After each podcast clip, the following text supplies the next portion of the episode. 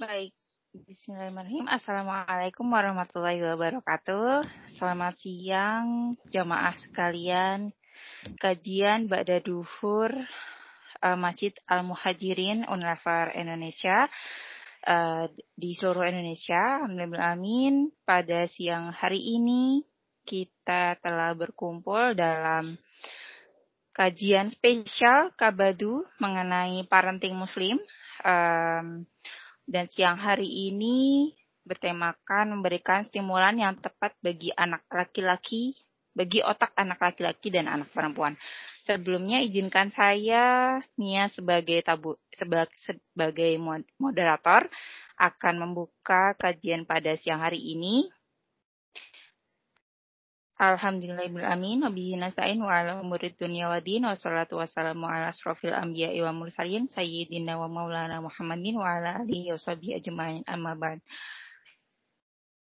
Alhamdulillah amin. Uh, segala puji syukur mari kita haturkan kepada Allah Subhanahu wa taala dan juga salawat serta salam selalu kita curahkan kepada Nabi Muhammad sallallahu alaihi wasallam agar selalu mendapatkan syafaatnya.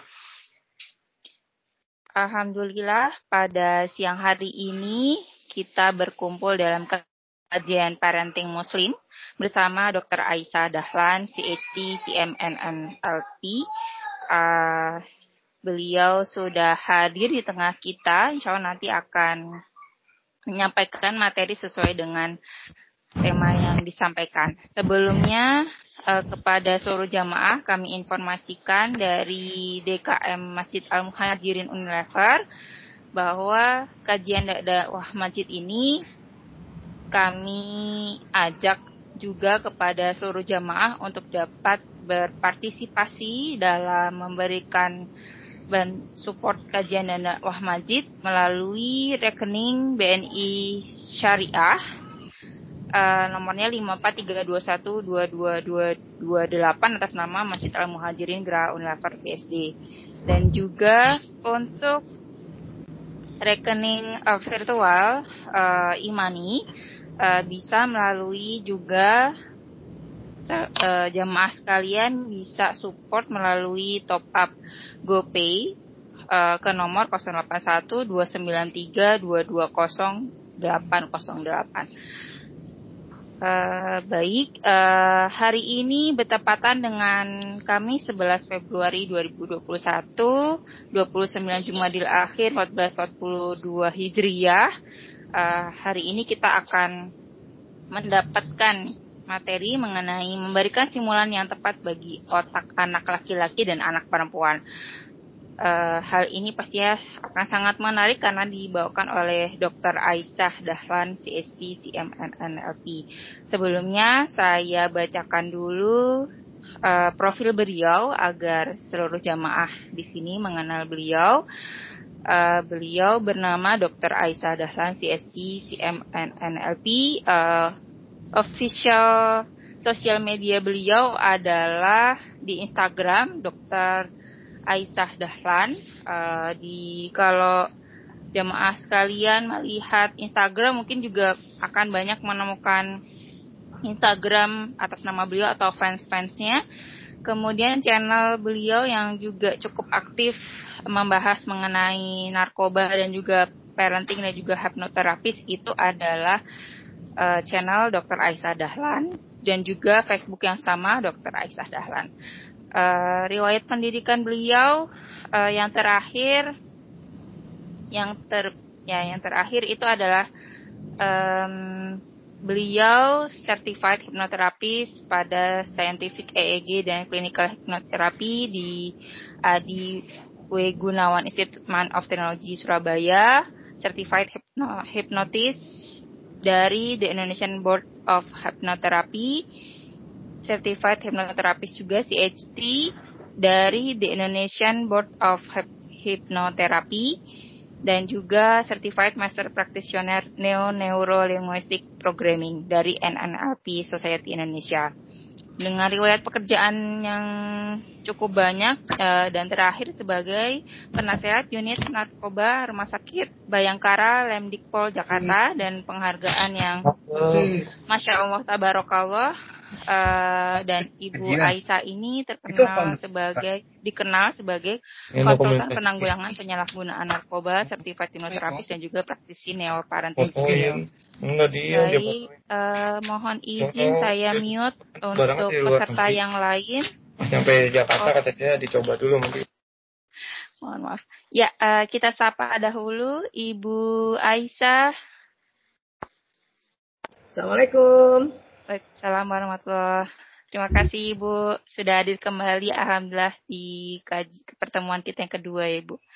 Ibu suaranya masih belum terdengar. Satu dua, terdengar? Ya. Ya. Alhamdulillah. Mbak Mia. Iya. Silahkan Ibu. Iya. Waktu sudah tepat kami silakan. Iya, baik. Ini sampai jam berapa? Sampai jam Sampai jam satu lima belas Ibu insya Allah oh. dilanjutkan dengan tanya jawab. Oh iya, baik kalau gitu. Ya, baik. Bismillahirrahmanirrahim. Assalamualaikum warahmatullahi wabarakatuh. Alhamdulillahirrahmanirrahim. Allahumma salli wa sallim ala Sayyidina Muhammad teman-teman semuanya, sahabat-sahabat, Bapak Ibu dari Masjid Al Muhajirin Unilever ya. Ini diselenggarakan oleh DKM Al Muhajirin ya. Terima kasih Mbak Mia, terima kasih juga Bu Wikan yang telah menghubungi kami. Hari ini kita akan membahas memberikan stimulan yang tepat bagi otak anak laki-laki dan perempuan ya. Mungkin hari ini uh, berkumpul ayah bunda keluarga muda ya atau mungkin ada yang belum juga menikah yang buat yang belum menikah tentunya. Mudah-mudahan ini ilmunya juga sangat bermanfaat ya untuk persiapan nanti menjadi seorang ayah atau ibu ya. Tapi yang sudah menikah wah ini penting banget ini kita tahu ya.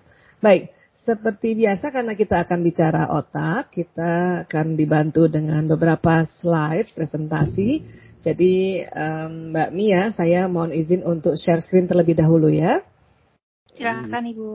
Ya. Terlihatkah? Sudah terlihat? Sudah, sudah. Sudah ya? Sudah ya, alhamdulillah ya. Baik, terima kasih ya. Ini stimulan yang tepat buat otak anak laki-laki dan perempuan ya. Baik, sebelum kita memberikan stimulan, tentu kita harus tahu dulu tentang gimana sih perbedaannya ya. Otak tuh gimana sih kerjanya gitu ya. Baik, nah ini otak manusia.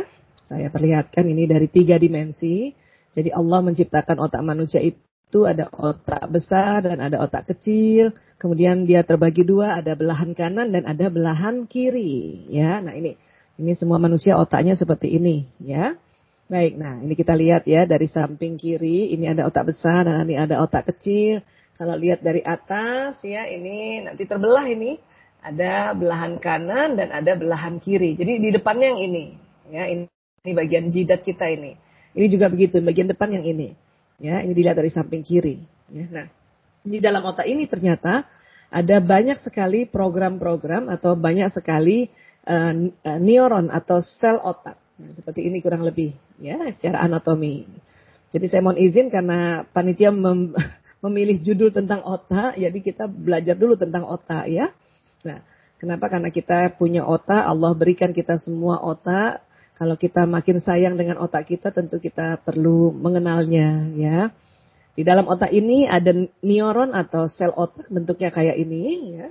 Ini jumlahnya banyak sekali, ada sekitar kurang lebih 100 miliar. Ada yang bilang juga 90 miliar. Ada yang mengatakan 85 miliar. Ada yang mengatakan di otak manusia itu 87 miliar. Ya. Apa pun itu jumlahnya ini banyak. Ya. Dan satu neuron kerjanya kayak satu komputer yang tercanggih di zamannya. Jadi di otak kita ini ada kurang lebih 100 miliar komputer, Masya Allah. Bentuknya kayak gini, ya. ini ibarat kayak ini laptop gitu ya. Ini kabel-kabel yang nanti tersambung dengan kabel-kabel lain, ya, kabel-kabel dari neuron atau uh, laptop lain di dalam otak gitu ya. Nah ini yang di samping-samping laptop itu adalah potensi-potensi untuk tersambung lagi dengan ya uh, kab, apa dengan gadget atau dengan laptop lainnya atau dengan perangkat lainnya ini. Kalau kita laptop biasa ini barangkali cuma ada 5 atau 6 potensinya ya, tapi kalau manusia ini bisa 20 ribu potensinya untuk tersambung atau terkoneksi dengan perangkat-perangkat lain gitu. Ya, nah, jadi nanti kerja di dalam otak itu setiap kita memberikan stimulasi atau setiap otak kita menerima informasi baik ditangkap oleh mata, telinga, hidung, pengecapan, eh, gerakan dan sebagainya, akan terjadi sambungan neuron. Kayak gini. Ya, ini kurang lebih diperbesarnya kayak gini sambungannya ya. Nah, namun yang namanya sambungan kabelnya itu, ya sambungan kabel-kabel neuron, dia tidak tersentuh atau tidak berhubungan secara fisik. Artinya ada celah, ada celah. Jadi siap bayi ini misalnya, baru bayi kita atau di dalam rahim ibu ya, karena di dalam rahim ibu janin itu otaknya sudah bisa tersambung-sambung. Apabila ibu berbicara sesuatu bisa tersambung otaknya. Nah, sambungannya ini terbentuk kayak gini, kabelnya kayak gini. Tapi ini tidak menempel dengan ini secara fisik. Ya, nanti akan ada ya sebuah sambungan yang namanya pelepasan neurotransmitter, zat kimia dari sisi sisi dari neuron ini ke neuron yang lain. Nah, ini sambungannya kayak gini. Nah, zat kimia ini ini nanti yang membedakan antara laki-laki dan perempuan sambungannya dan juga ya uh, cepat atau kuatnya sambungan ini. Tentu ada kaitannya dengan nutrisi. Ada kaitannya juga dengan emosi. Oke, okay? nah ini. Jadi semakin kuat nutrisinya, semakin bagus nutrisinya, sambungan otaknya anak ini atau seorang manusia ini akan semakin kuat sambungannya. Ibarat lemnya, lemnya tuh lem yang kuat banget gitu ya. Nah, juga apabila ada satu kondisi atau suatu peristiwa yang dibarengi dengan sebuah rasa emosi yang intens, itu juga sambungan trans, neurotransmitternya kuat. Makanya peristiwa itu sangat diingat. Ya. Nah, nanti akan terjadi peristiwa listrik kayak gini. Jadi peristiwa kimia yang terjadi, tapi bagaikan listrik karena dia akan ada ya sebuah informasi yang cepat. Ya, dari sambungan ini ke sambungan berikutnya, sambungan berikutnya. Ya. Makanya akan terjadi sebuah sambungan-sambungan di otak manusia apabila mendengarkan sesuatu, melihat sesuatu, merasakan sesuatu, mengucapkan sesuatu, ya, menyentuh sesuatu. Ini akan ada sambungan-sambungan seperti ini. Nah, jadi kalau kita mau menstimulasi seorang anak, tentu ya kita harus memberikan stimulasi lewat telinganya, lewat matanya, lewat pengecapannya, ya, lewat penghiduannya. Itulah rata-rata ya kita harus tahu nih bagaimana sih sebetulnya otak manusia ter, apabila terjadi stimulasi. Anak yang lahir di keluarga muslim itu ada sebuah perintah ya untuk mengazankan ya jadi pas udah lahir bayi ini sudah dibersihkan dipotong dulu pusatnya dibersihkan dari darah dulu kemudian dibungkus baru dikasih ke orang tuanya biasanya ke ayahnya ya Nah, diazankan di telinga kanan, dikomatkan di telinga kiri, maka sambungan pertama yang ada di otak pada saat bayi ini sudah lahir ya, selain sambungan tadi di dalam rahim ibu ya, adalah azan. Ya, adalah azan. Jadi terbentuk sebuah sambungan yang berisi azan. Ya. Kemudian kiri berisi koma. Intinya adalah kita menegakkan sholat untuk meraih kemenangan, ya, keberuntungan. Ini. Jadi nama Allah duluan masuk di dalam ya otak seorang manusia. Ya. Barulah nanti stimulasi yang lain makanya memperkenalkan nama, memperkenalkan wajah ibunya, ayahnya, ya, memperkenalkan macam-macam hal. Ya, nanti kalau udah agak besar sedikit dicoba di, men, dia mencium sesuatu, makanya tersambung nih. Anak bayi barangkali mencium bau wangi dia tersambung neuron ini bau wangi atau wangi tertentu gitu. Atau merasa gitu, merasa merasa asin, manis, pahit. Nah itulah kalau kita memberikan stimulasi maka akan terbentuk neuron-neuron ini di dalam otak manusia. Ya kurang lebih kayak gini lah. Ya. Nah informasi itu dari mata, telinga, penghiduan, penghiduan, pengecapan, ucapan, penyentuhan dari tangan gitu ya. Kemudian ya perabaan dan sebagainya itu akan terjadi sambungan saraf. Ini yang disebut menstimulasi. Ya, sehingga di otak langsung punya kesan, oh kalau uh, manis kayak seperti ini rasanya. Oh, kalau asin begini. Oh, kalau pahit begini. Oh, yang namanya benda halus kayak gini. Oh, yang namanya kasar kayak gini. Ya, dan begitulah seterusnya. Ya. Baik, nah. Sambungan-sambungan yang biasanya berulang, maka dia akan membuat sambungannya menjadi lebih tebal. Ya. Jadi kalau kita mengajarkan diri kita atau mengajarkan seseorang, apabila kita repetisi, Apabila kita ulang-ulang, maka sambungannya jadi tebal. Maka anak ini akan jadi pintar. Ya. Tapi potensi sambungan itu banyak sekali sebetulnya. Ya. Rupanya kalau pintar saja nggak cukup. Kenapa? Karena nanti Kalau cuman pintar berarti cuman sedikit. Sambungan yang diulang-ulang terus. Makanya anak ini harus disambung lagi neuron-neuron baru tentang hal yang baru. Nah, jadi kalau ada sambungan baru tentang hal yang baru, dia mendengarkan hal yang baru, merasakan hal yang baru, melihat hal yang baru, menyentuh hal yang baru, maka tersambung. Pada anak-anak yang orang tuanya rajin menstimulasi, maka sambungan di otaknya ini semakin banyak. Ini yang disebut cerdas. Ya, jadi anak kita itu bukan hanya mau pintar saja karena kita ulang-ulang, tapi harus cerdas. Ya, tapi cerdas saja tidak pintar itu juga ya kurang beruntung. Ya, jadi harus cerdas, pintar, makanya nanti beruntung. Kita harus doa juga anak kita tuh cerdas, pintar dan beruntung. Beruntung. Karena banyak orang anak pintar nggak beruntung hidupnya. Ya, oke. Okay? Nah ini yang terjadi pada otak. Nah sekarang, ya. Walaysa zakaru kal unsa itu di surat Ali Imran ayat 36 ya. Dan laki-laki tidak sama dengan perempuan. Tidak sama. Ini sepenggalan ayat tetapi ini diteliti oleh ilmuwan-ilmuwan seluruh dunia Ya, tapi saya ambil hari ini dua referensi saja ya untuk mempelajari perbedaan otak laki-laki dan perempuan. Apa itu ini? Mr. Alan dan Barbara Peace. Ya, mereka adalah seorang trainer yang di uh, berdomisili di Sydney, Australia. Kemudian ini ada dokter namanya Luan Brizendin. Dokter Luan Brizendin ini ya, dokter yang uh, dia dari University of California San Francisco. Dia pendiri pendiri klinik Women's and Teen and Hormone ya. Nih. Ada bukunya The Female Brain dan The Male Brain. Nah, di sinilah terungkap bahwa oh ternyata laki-laki dan perempuan Allah desain berbeda. Beberapa program berbeda. Walaupun sama, otaknya itu ya di, diciptakan ada otaknya, ada otak besar, ada otak kecil. Ya, ada otak kiri, ada otak kanannya. Ya. Bahkan ukuran saja, ukuran otak anak laki-laki itu atau otak laki-laki lebih berat sedikit dibanding otak perempuan. Berapa perbandingannya Bu Isa? Ya. Nah, ini perumpamaan otak udah dewasa ya. Otak ibu-ibu nih kurang lebih satu setengah kilo dia punya berat atau volumenya. Bapak-bapak itu berat sedikit, jadi 1,6, 1,6 kilo. Ya, itu itu pada uh, bapak-bapak, ya pada bapak-bapak. Ya, nah jadi itu aja udah beda ya, apalagi di dalamnya. Ya. Nah. Kemudian ada ada sebuah konsep yang ini sudah duluan, lebih duluan ditemukan tentang konsep kerja otak belahan kanan dan belahan kiri. Ini saya kasih lihat gambar supaya mudah diingat ya. Pokoknya ini yang kanan ya. Ini ini orang ini membelakangi kita. Ya, ini kanan. Kanan ini memproses warna-warni, memproses uh, imajinasi, memproses permainan, memproses uh, relax ya, memproses sesuatu yang benar-benar buat relax, memproses musik, memproses visual auditori, memproses benda, memproses teknologi ini yang kanan. Ya. Kiri ini adalah otak analisa, analitikal. Dia memproses uh, bicara, memproses hitung-hitungan, memproses analisa, memproses kronologis, memproses eh, hal-hal uh, yang kaitannya mendalam, ya, pemikiran-pemikiran yang mendalam. Nah, itu otak kiri. Kita punya otak kiri dan punya otak kanan.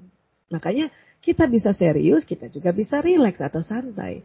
Kalau itu bisa dilakukan bersamaan, itu jauh lebih lebih enak hidup kita ini, lebih beruntung hidup kita.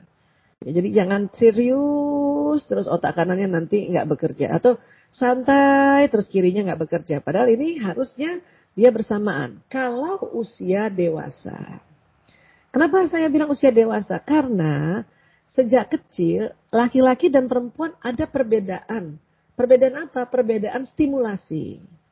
Kalau ukuran berat ya, ini sama semuanya begini beratnya. Tetapi apa yang terjadi di dalamnya, ya? Jadi di dalamnya itu ada sambungan-sambungan neuron. Ya ingat ya, ini pokoknya kiri yang analisa, kanan yang relax, santai, ya. Nah, apa yang ter, yang berbeda? Ya, otak kiri anak perempuan berkembang lebih cepat dari otak kiri anak laki-laki. Kiri kan yang ini ya, otak bahasa, bicara, teratur, mendalam, ya, kronologis gitu kan. Nah ini kiri.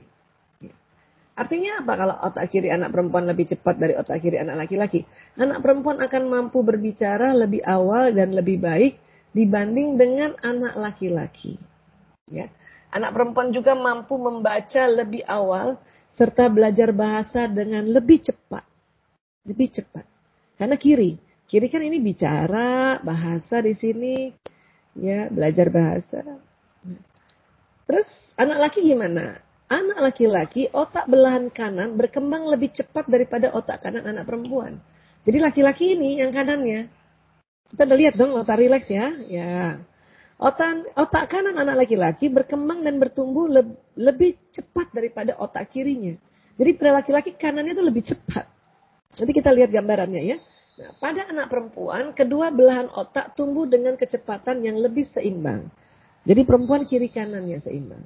Kalau kita lihat nanti dia punya uh, gambaran seperti ini ya. Jadi ini otak pria wanita 0 sampai 6 tahun tadi kita sudah belajar ada belahan kanan, ada belahan kiri, ya. Apa sih yang maksudnya tadi mana lebih duluan? Nah, ini di dalamnya tadi. Masih ingat tadi sambungan-sambungan neuron yang tadi yang saya sampaikan tadi ada kayak listrik kayak gitu ya. Nah, perempuan rupanya dari 0 sampai 6 tahun otak kiri kanannya seimbang sambungannya. Seimbang. Laki-laki kanannya duluan. Ya. Kanan perempuan aja kalah sama kanannya laki-laki. Kirinya baru mulai mulai terbentuk. Tapi kalah dengan kirinya perempuan. Ya, ini lihat ya. Nah, ini yang mendasari tadi kalau kita punya anak perempuan, mungkin anak perempuan itu umur 3 tahun aja sudah mulai lancar bicara. Anak laki-laki masih belum bisa bicara tuh umur 3 tahun, 4 tahun, 5 tahun juga belum belum jelas dia bicara. Kenapa? Karena otak bicara di kiri. Dan dia sambungannya masih sedikit. Ya. Anak perempuan umur 3 tahun dia sudah bisa menganalisa karena ini otak analisanya udah jalan otak kiri nih. Sayang, sore ini mau pakai baju apa? Dia bisa analisa. Aku pakai baju pink aja bunda. Nanti jepit rambut aku juga pink. Nah itu anak anak perempuan otak kiri. Otak kiri sudah menganalisa dan dia juga udah jago warna. Karena kanannya juga berkembang.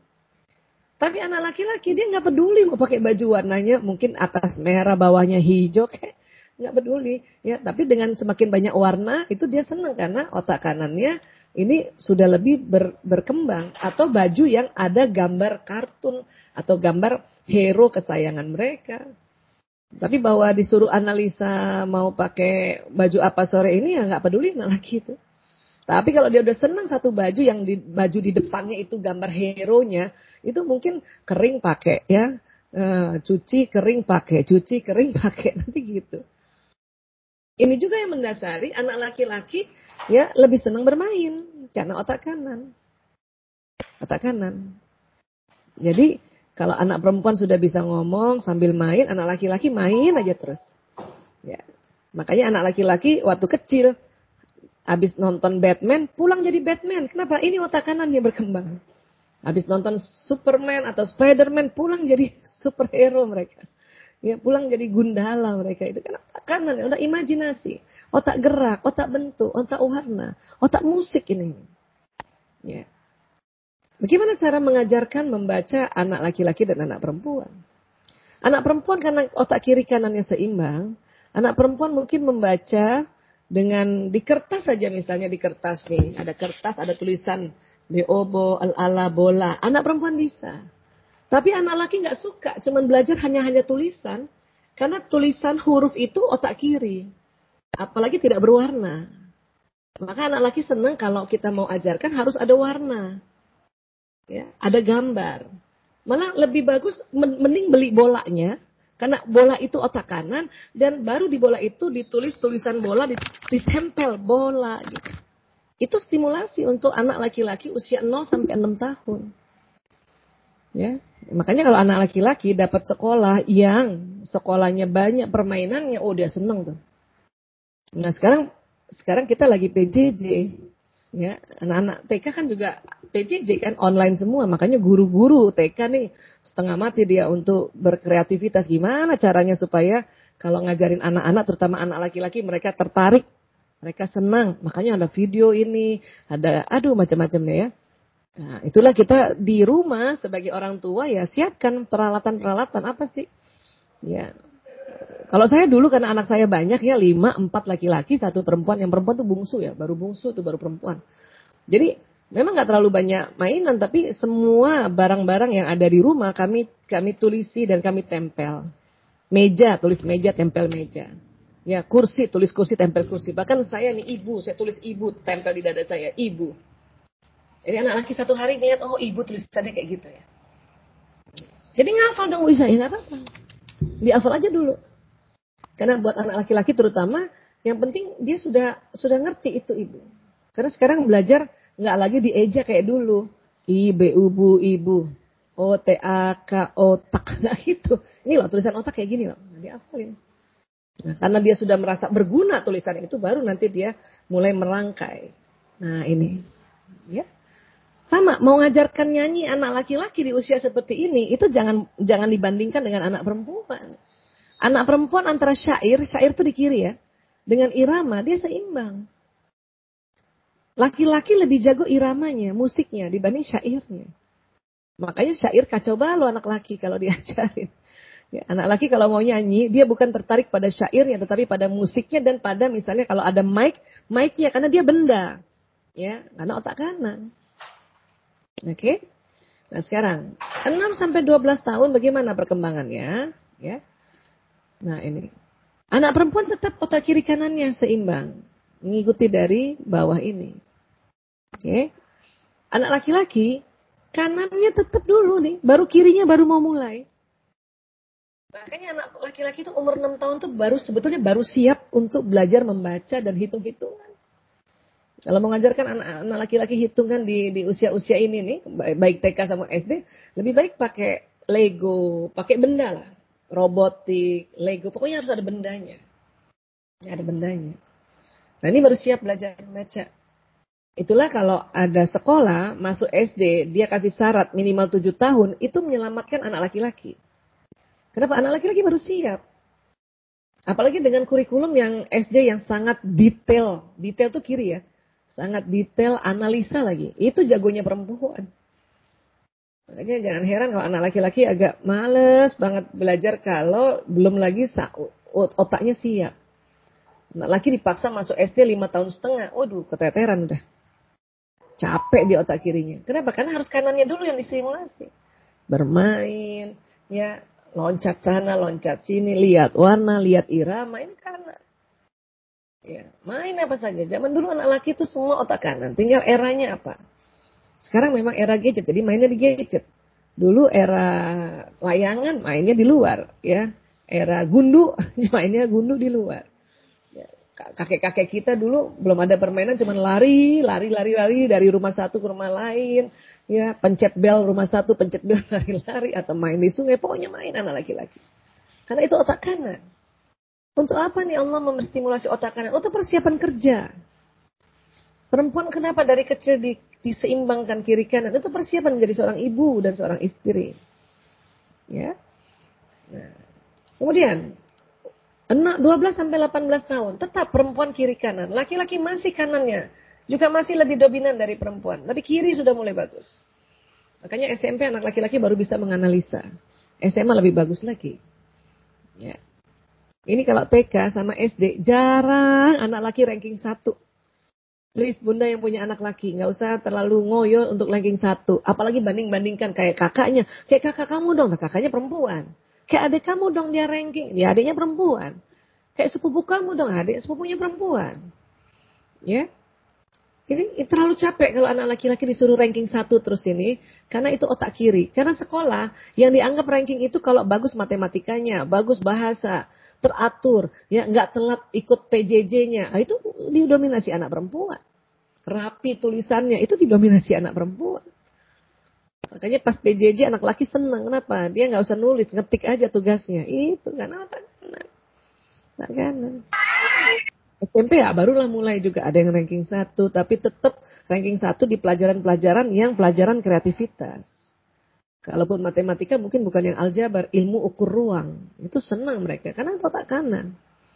Ya, otak kanan. Ini anak laki waktu kecil belum bisa baca, tapi sudah bisa main game online atau game atau main PlayStation, pokoknya permainan lah. Atau bisa nyalain televisi sendiri, atau nyalain gadget sendiri. Padahal dia otak kiri belum bisa baca loh. Itu anak laki-laki. Ya. Kemudian di atas 18 tahun, apa yang terjadi? Anak perempuan kiri kanannya tetap seimbang. Laki-laki tetap masih kanan, tetapi nanti setelah 18, kurang lebih 20 tahun ke atas, otak kirinya seimbang dengan otak kanan. Tapi tetap guratan-guratan otak kanannya lebih dominan pada laki-laki. Makanya laki-laki jago teknologi. Perempuan gaptek Bu Aisyah, bukan gaptek. Perempuan karena otak kanannya tidak dominan seperti laki-laki. Jadi bukan gaptek, emang laki-laki otak kanan ini, otak bentuk, otak ruang, otak imajinasi, otak intuisi, otak hayalan termasuk ini pada laki-laki. Ya. Itulah makanya anak laki-laki itu keren banget pas dia mahasiswa. Buat bunda yang masih punya anak laki masih kecil, bahkan masih di TK ini atau masih balita ini, sabar, ya. Dampingi terus untuk perkembangan otak yang dia ini, se, ya, yang benar-benar fitrah. Dan nanti pas dia mahasiswa, otak kiri dan kanannya seimbang. Otak analisa dan otak kreativitas atau otak serius dengan otak santainya seimbang. Di situ tuh baru laki-laki keren banget. Ya, mungkin teman-teman bapak-bapak ini para ah, apa para ikhwan Mungkin rasa ya waktu kecil marahin terus ya. Pas pas mahasiswa udah keren. Tambah ganteng, tambah pinter analisa. Makanya di di di mahasiswa itu ya benar-benar laki-laki yang berperan. Kalau TK sama SD perempuan yang berperan ini. SMP udah mulai, SMP SMA mulai 50-50. SD nih perempuan bisa ketua kelas. SD. Karena kata gurunya, wah ini anak ini sudah sudah bagus nih, udah dewasa. Ya karena otak kiri kanannya udah seimbang. Tapi mahasiswa, ketua BEM itu laki-laki. Ketua senat itu laki-laki.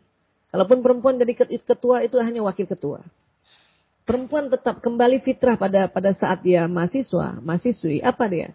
Seksi konsumsi, bendahara, sekretaris. Pokoknya kegiatan yang memang membutuhkan otak perempuan.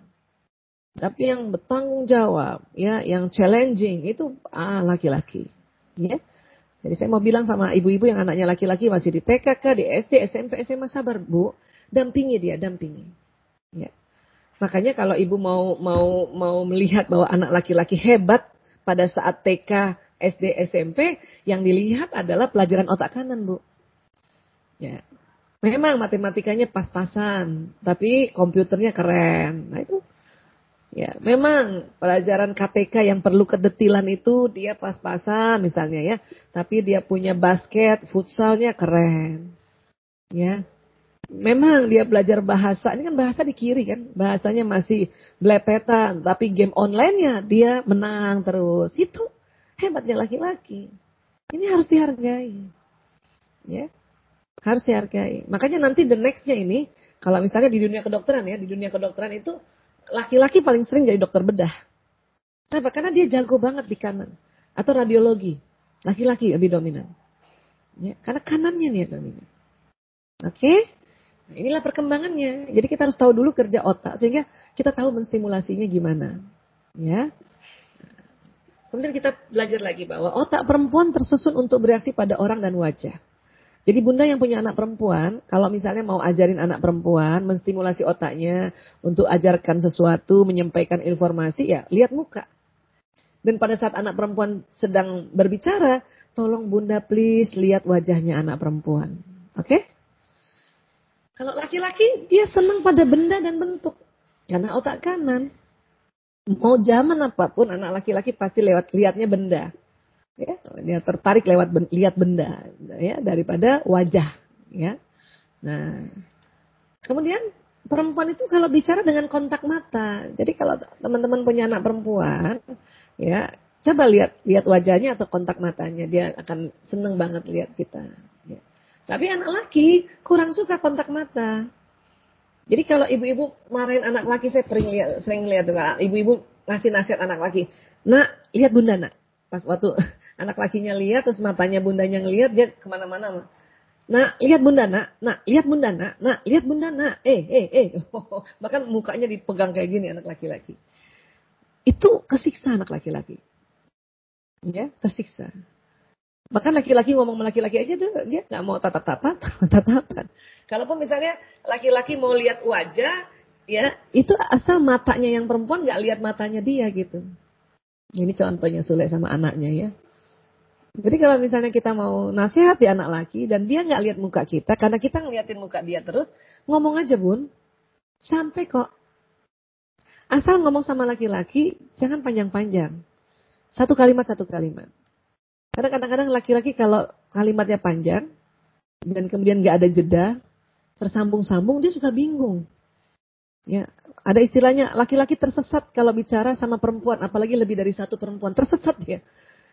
Perempuan bisa bisa ngomong hari ini ngomong soal pasar, ya misalnya pasar nih, menit ini misalnya pasar, 10 menit lagi bisa ngomong soal yang lain, itu bisa para perempuan, dia loncat. Laki-laki nggak suka kalau diajak ngomong terus loncat-loncat kayak gitu nggak suka. Termasuk anak laki-laki. Ya. Misalnya kita bilang sama anak laki-laki, nak kalau habis mandi handuknya taruh tempat handuk ya nak, udah stop dulu. Ibu-ibu kan panjang. Nah, kalau habis mandi handuknya taruh tempat mandi, kita mau ke rumah paman kamu, di sana ada sepupu-sepupu kamu, nanti ada bakso di sana. Apa bun? Taruh handuknya di rumah paman. Nah, gitu nih. Ayo satu-satu. Satu-satu. Oke? Okay? Nah. Kenapa laki-laki nggak suka ditatap matanya? Karena sklera mata, ini yang bagian putih nih, bagian putih nih. Pada perempuan lebih banyak bagian putihnya dibanding laki-laki. Jadi bagian putih ini yang membuat mata ini bergerak dan mengarahkan pandangan yang sangat penting bagi manusia dalam berkomunikasi tatap wajah dan mata. Makanya perempuan kuat tatap mata, tatap wajah. Kalau lagi ngomong. Karena dia sklera matanya lebih lebar. Laki-laki dia kecil. Ini laki-laki kalau ditatap matanya langsung ke mana-mana. Ya, jadi artinya nggak usah ribut soal tatap mata. Lihat bunda, lihat bunda.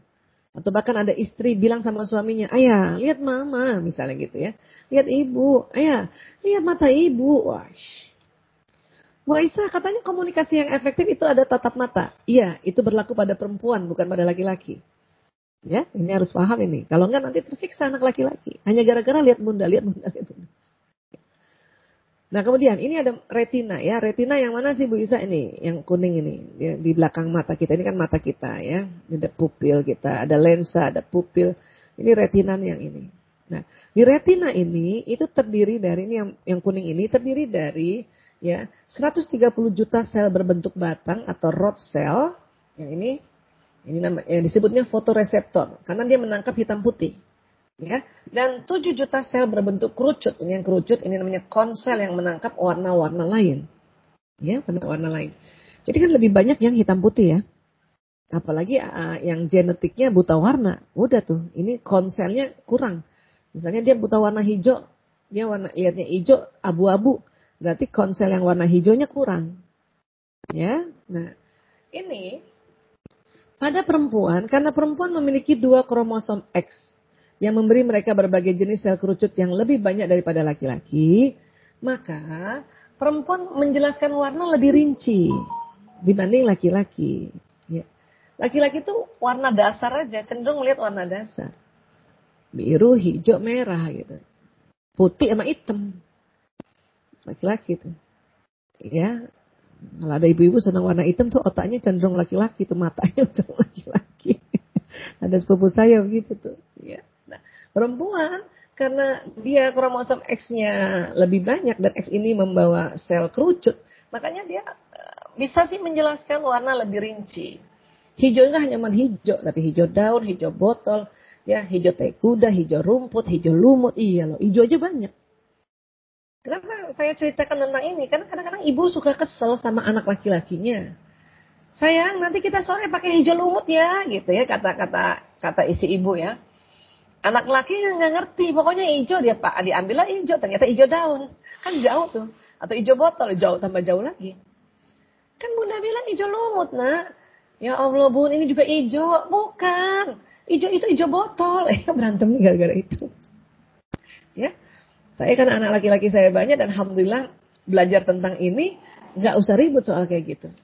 Bu, yang biru nggak usah. Ya, ya biru. Yang mana kamu suka biru pokoknya. Nuansanya biru. Nah, gitu. Ya. Karena biru pun ada biru langit, biru laut, biru apa awan, ada biru awan mendung, biru langit mendung. Aduh, ya, biru navy. Nah, itu. Itu perempuan jagonya memang. Ini kalau laki-laki ya sudah warna dasar aja. Ya.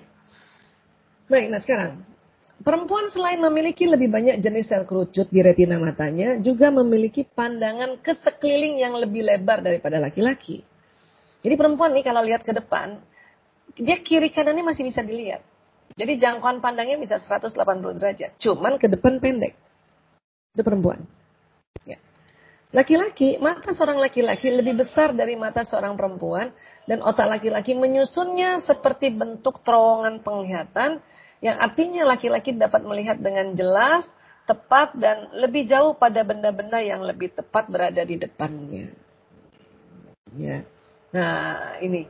Jadi laki-laki ini kalau lihat ke depan itu itu uh, panjang tapi kiri kanannya dia nggak lihat, kayak terowongan gitu. Jadi kalau dibandingkan begini. Ya, ini karena retina mata tadi ya, sama besarnya bola matanya ya. ya. Jadi perempuan kenapa Allah menciptakan matanya seperti ini? Kalau kenapa pastinya Allah yang tahu ya, Allah alam bisa. Tapi hikmahnya apa? Hikmahnya adalah dengan perempuan matanya seperti ini, makanya perempuan jago menjaga rumah. Atau kalau zaman dulu jago menjaga sarangnya, jago menjaga gua, gua, gua rumahnya. Karena ke depan gak usah terlalu panjang kan rumahnya kan juga nggak terlalu lebar kan. Tapi kiri kanan melihat. Itulah ibu-ibu kalau lagi masak sambil masak ada tikus lewat, ada kecoa lewat, ibu-ibu lihat. Dalam hatinya, aduh ada kecoa nih. Gitu. Atau nyusuin anak, nyusuin anak, oh bisa ada tamu datang langsung, padahal matanya di anak tuh lagi nyusuin. Ibu-ibu bisa teriak, siapa tuh yang datang? Dia tahu ada orang datang. Itu perempuan karena menjaga. Laki-laki ini namanya mata berburu atau mata hunter. Laki-laki harus ya jago berburu. Kenapa? Untuk dari menjemput nafkah. Bu Aisyah sekarang berburu kan nggak ada, nggak berburu lagi di hutan. Sekarang pun tetap berburu, bapak-bapak tetap berburu, berburu, berburu peluang. Ya, dari mana? Dari kantor ke kantor, dari gedung ke gedung. Nah perjalanan dari kantor ke kantor ini jagonya laki-laki pada saat dia bawa kendaraan motor kah, mobil kah, jago laki-laki. Bahkan laki-laki bisa lihat ke depan gitu. Kadang-kadang laki-laki udah bisa lihat tuh, sebentar lagi sampai nih. Nanti kasih tahu istrinya, sebentar lagi sudah sampai nih kita. Kata kata istrinya mana sih? Perempuan nggak bisa lihat jauh. Ya. Dan laki-laki kenapa? Karena lihat ke depannya bisa, dia bisa. Maka laki-laki tahu kalau mau ngebut, dia sanggup. Kenapa? Dia tahu di depan itu nggak ada mobil, makanya dia mau kebut gitu kan. Itu jagonya laki-laki. Terkadang ada perempuan nggak bisa lihat ke depan, maka perempuan biasanya kalau ada di mobil itu ribut tuh. Awas, awas, awas. Lihat kanan kiri, lihat kanan kiri. Awas, awas, awas. Kayak gitu. Ya, dan laki-laki nggak suka lagi bawa mobil, ya mau ngebut kemudian awas, awas. Itu nggak suka tuh. Atau diprotes nggak suka dia. Karena emang jagonya dia. Saya juga dulu begitu sebelum tahu ilmu ini, ya. Saya menikah 92. 9 Februari kemarin tuh saya 29 tahun.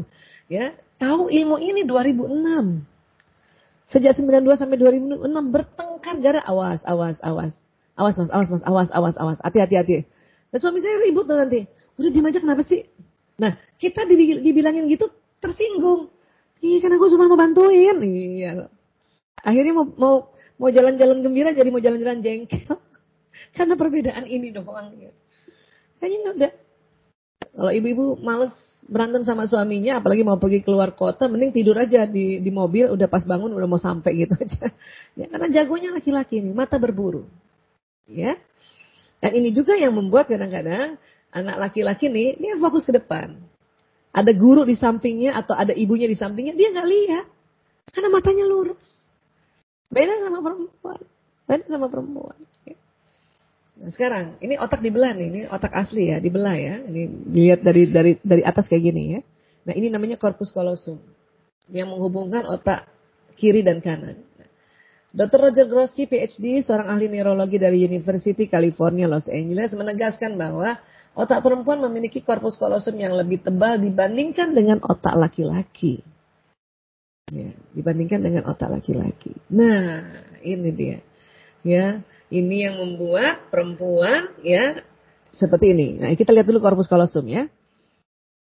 Nah ini, laki-laki ada korpus kolosumnya, perempuan ada korpus kolosumnya. Dia menghubung antara otak kiri dan kanan. Karena otak kiri kanan kan dia berpisah kan sebetulnya. Tapi gara-gara korpus kolosum ini ada terhubung dia di tengah sedikit. Nah itu dia. Ya. Tapi perempuan lebih tebal. Lebih lebar, lebih tebal, lebih lebar. Sehingga otak kiri dan kanannya sambungannya lebih banyak dibanding laki laki. Ya.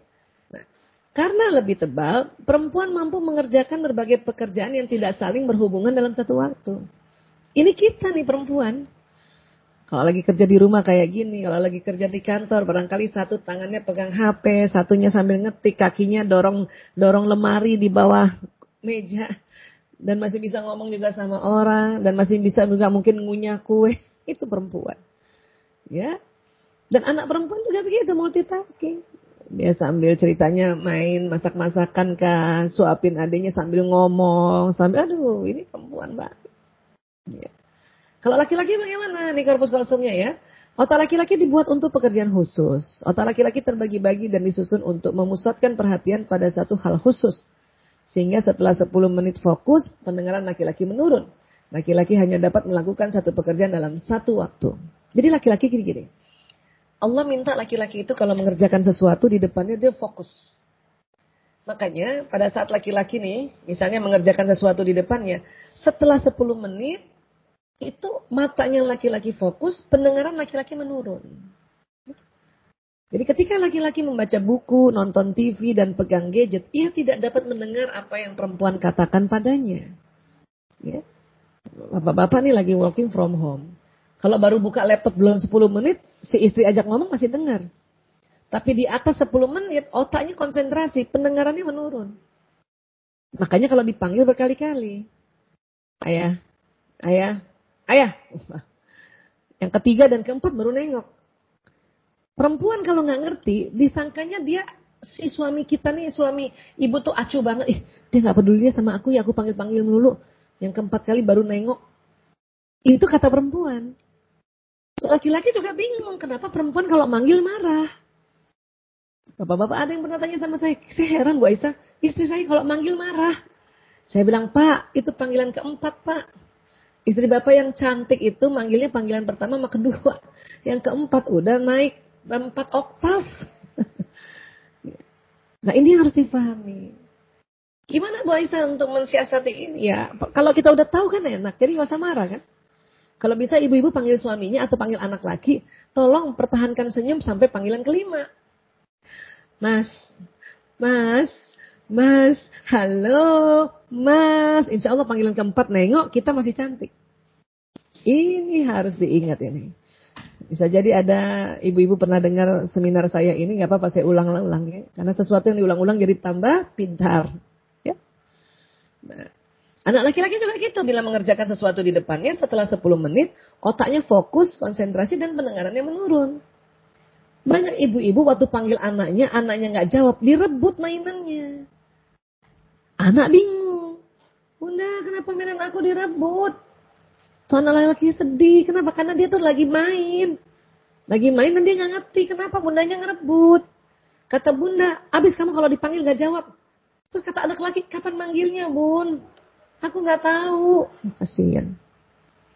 Hati-hati ya, bunda-bunda yang masih juga suka begini caranya manggil anak nggak dijawab langsung direbut atau dimatikan TV-nya lagi asik-asiknya dia, itu bikin anak laki-laki terzolimi oleh ibunya sendiri. Ya, hati-hati banget.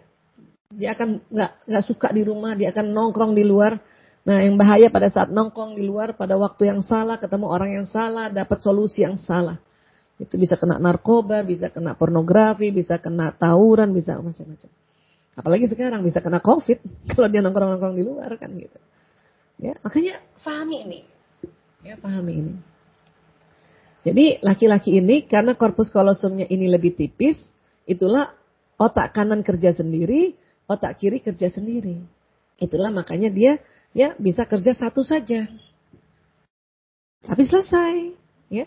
Perempuan karena otak tengahnya tebal, maka otak kiri kanannya tersambung lebih banyak. Makanya bisa multitasking tadi, bisa mengerjakan lebih dari satu pekerjaan. Ya, dalam satu waktu. Tapi karena tersambung lebih banyak kiri kanan, perempuan di awal-awal itu sering bingung antara kiri dan kanan. Makanya dia suka bingung. Ya. Mas, belok kanan mas. Padahal tangannya ke kiri. Maksudnya ke kanan. Itu juga yang membuat ibu-ibu kalau berkendaraan naik motor atau naik mobil, sennya di kanan, beloknya ke kiri gitu. Kenapa? Karena beberapa detik di awal atau beberapa menit itu perempuan salah tuh kiri kanannya. Karena tersambung otak ini.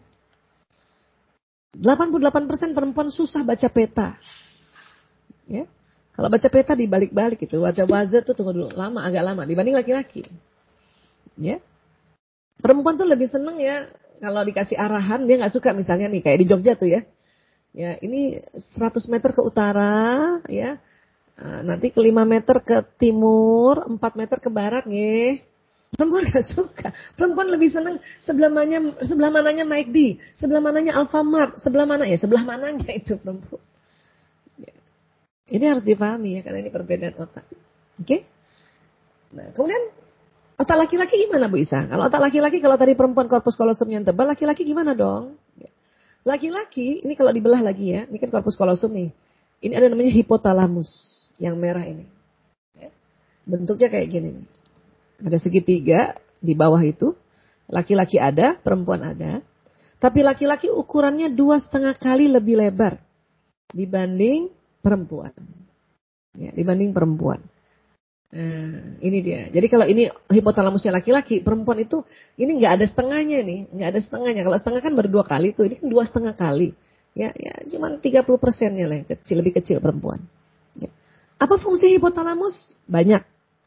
Tapi kaitannya otak pria wanita, ya ini. Ya, jadi ini penelitian Dr. Luan Brizendin ya, hipotalamus laki-laki dua setengah kali lebih luas dibanding perempuan. Ini, ya. Fungsinya apa? Pusat menjaga keamanan. Laki-laki lebih jago jaga keamanan dibanding perempuan. Itu sunatullah. Itu sunatullah banget. Ya. Makanya laki-laki ya setelah dia sudah dewasa apalagi kemudian berumah tangga, makanya laki-laki ini bawa sadarnya menjaga keamanan dirinya. Selain itu menjaga keamanan istrinya, menjaga keamanan anaknya, menjaga keamanan kesehatan, menjaga keamanan keuangan, menjaga keamanan rumah, Ya, ini. Bahkan anak laki-laki waktu kecil pun, kalau ibunya sakit, anak laki-laki yang menjaga keamanan ibunya. Ya, dibanding ya saudaranya yang seusia dia. Misalnya kakaknya perempuan, adiknya laki-laki, laki-laki yang jagain, walaupun sambil main. Sambil main tapi dia selalu jagain ibunya. Itu bawah sadarnya laki-laki ingin jaga ibunya, anak laki-laki ingin jaga ibunya. Anak laki-laki itu nggak mau jagain bapaknya. Kenapa? Bawah sadar mereka juga walaupun mereka belum pernah belajar ini, merasa bahwa laki-laki itu ayah saya nggak usah dijagain. Karena ayahnya juga ibu talamusnya kan lebar, malah lebih lebar di antara mereka semua. Ya. Makanya anak bapak-bapak ini jagain anak perempuan. Kalau ada anak perempuannya. Ya. Laki-laki pasti jagain ibu. Itulah dia dekat sama ibu. Itu menjaga keamanan. Ya. Ini dia, anak laki jaga ibunya sejak dia kecil. Ini karena hipotalamusnya lebar. Apalagi nih, pusat lapar dan haus. Makanya harus perhatikan makanan suami dan anak-anak khususnya anak laki. Pertanyaan yang paling suka bapak-bapak itu kalau udah sampai di rumah, biarkan dulu 10 menit ya, biarkan 10 menit ya relax dulu. Baru tanya, udah makan ayah? Ayah mau makan lagi? Itu pertanyaan yang paling cocok. Walaupun mungkin dia jawab, udah tadi, ya Alhamdulillah. Tapi tanyalah. Anak laki juga gitu, kakak mau makan kak? Pokoknya kalau punya anak laki tuh nuansanya tanya makan minumnya dia. Dan satu lagi, pantang nasehati atau negur anak laki, kasih masukan anak laki dalam keadaan dia lapar. Dia menolak itu, denial nih. Batang otaknya ini kan dekat di batang otak nih. Langsung kaku. Langsung ngelawan. Atau misalnya mengerjakan tugas, ada 10 tugas, sisa dua. Sisa dua, terus anak laki bilang, bunda aku lapar. Mending makan dulu deh, baru kita kerjakan. Hanya ibu-ibu kan karena merasa tanggung. Apa kata ibu-ibu? Udah tanggung, kerjain dulu tanggung. Kenapa ibu-ibu bilang tanggung? Karena ibu-ibu hipotalamusnya kan kecil. Jadi nggak cepat lapar. Apalagi ibu-ibu yang mau diet, yang mau langsing. Makanya anaknya, ya udah, bunda aku lapar. Udah kerjaan dulu tanggung doa lagi. Itu udah susah bun. Kalau ada anak laki-laki atau suami bilang aku lapar, itu sudah setengah jam menunggu. Ya, makanya udah gimana caranya lah Bismillah itu perjuangan kita seorang ibu atau seorang istri terutama istri ya kasih ma siapin makan suami ya kalau nggak bisa masak ya beliin lah atau gimana pokoknya. Ya. Nah, ini. jadi laki-laki senang diajak dialog pada saat makan. Makanya kalau tidur makan. Ya. Pusat tidur ini pusat tidur. Laki-laki lebih capek ya. makanya pada anak-anak laki-laki yang lagi belajar online kemudian dia terkantuk kantuk gitu ya bunda harus dimaklumi. Ya. Dibangunin Ya tergantung ulangan apa enggak. Atau ada tugas apa enggak. Kalau misalnya enggak, cuman gurunya juga enggak apa-apa juga ya biar aja. Ya, Tapi kalau dia ada tugas baru pelan-pelan bangunin, nak, nak. Gak usah marah, yang penting gak usah marah. Karena memang hipotalamus laki-laki lebih lebar. Ya. Apalagi anak remaja. Remaja laki-laki membutuhkan waktu tidur sekitar 10 sampai 12 jam. Ya, ini harus kita ingatkan tidurnya cepat nak, ini cepat ya nak. Itu juga makanya kalau hari libur anak-anak terutama anak laki tidur. Yang penting apa yang diingatkan kalau sudah remaja dan sudah balik? Sholatnya. Paksa dulu bangun sholat, sholat subuh bangun dulu nak. Habis itu tidur lagi boleh nak nih hari ahad kok. Gitu. Karena udah balik. Ya. Jadi sikap orang tua menasihati anak remaja dan gimana caranya? Ya, yang penting lembut. Allah sudah ajarkan. Ya, Bapak-bapak dia tegas, tapi jangan kasar. Yang penting jangan kasar. Tegas kan beda, dia tidak kasar. Bapak-bapak ingin selalu menegakkan disiplin, iya tapi yang lembut dong. Kenapa? Karena ini terakhir, slide terakhir di surat Ali Imran 159. Bismillahirrahmanirrahim. Fabima rahmatim minallah lintalahum. Walau kunta wazzan ghalizal qalbi lan faddu min haulika. Fa'fu anhum wastaghfir lahum wasyawirhum fil amri. Fa'idha azamta fatawakkal Allah, innallaha yuhibbul mutawakkilin.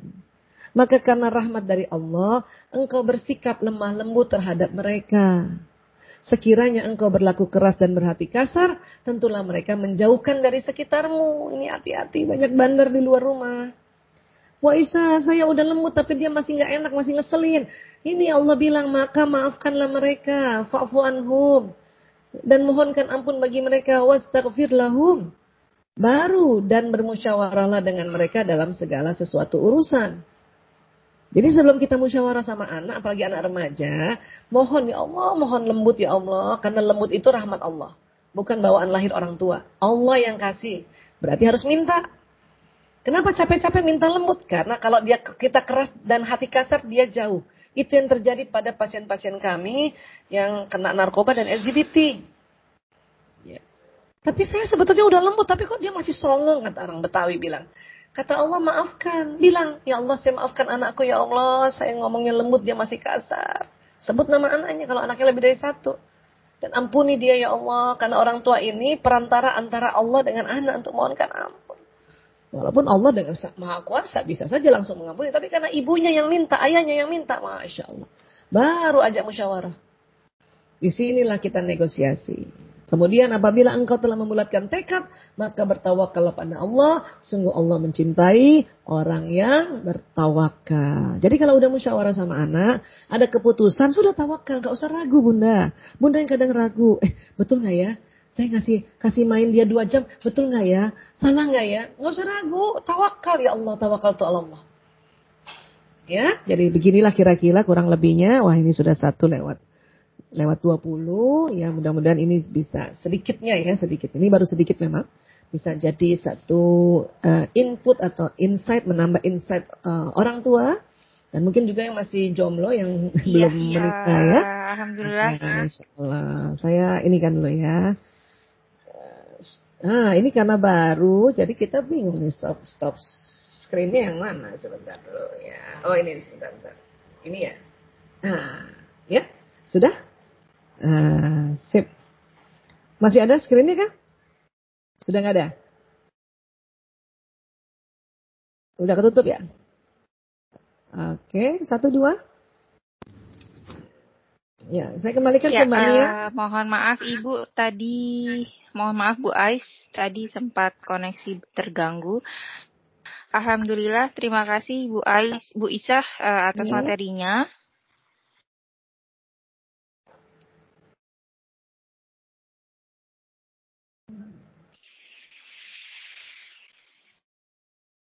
Satu dua. Bu Mia. Bu Mia ada suaranya ya?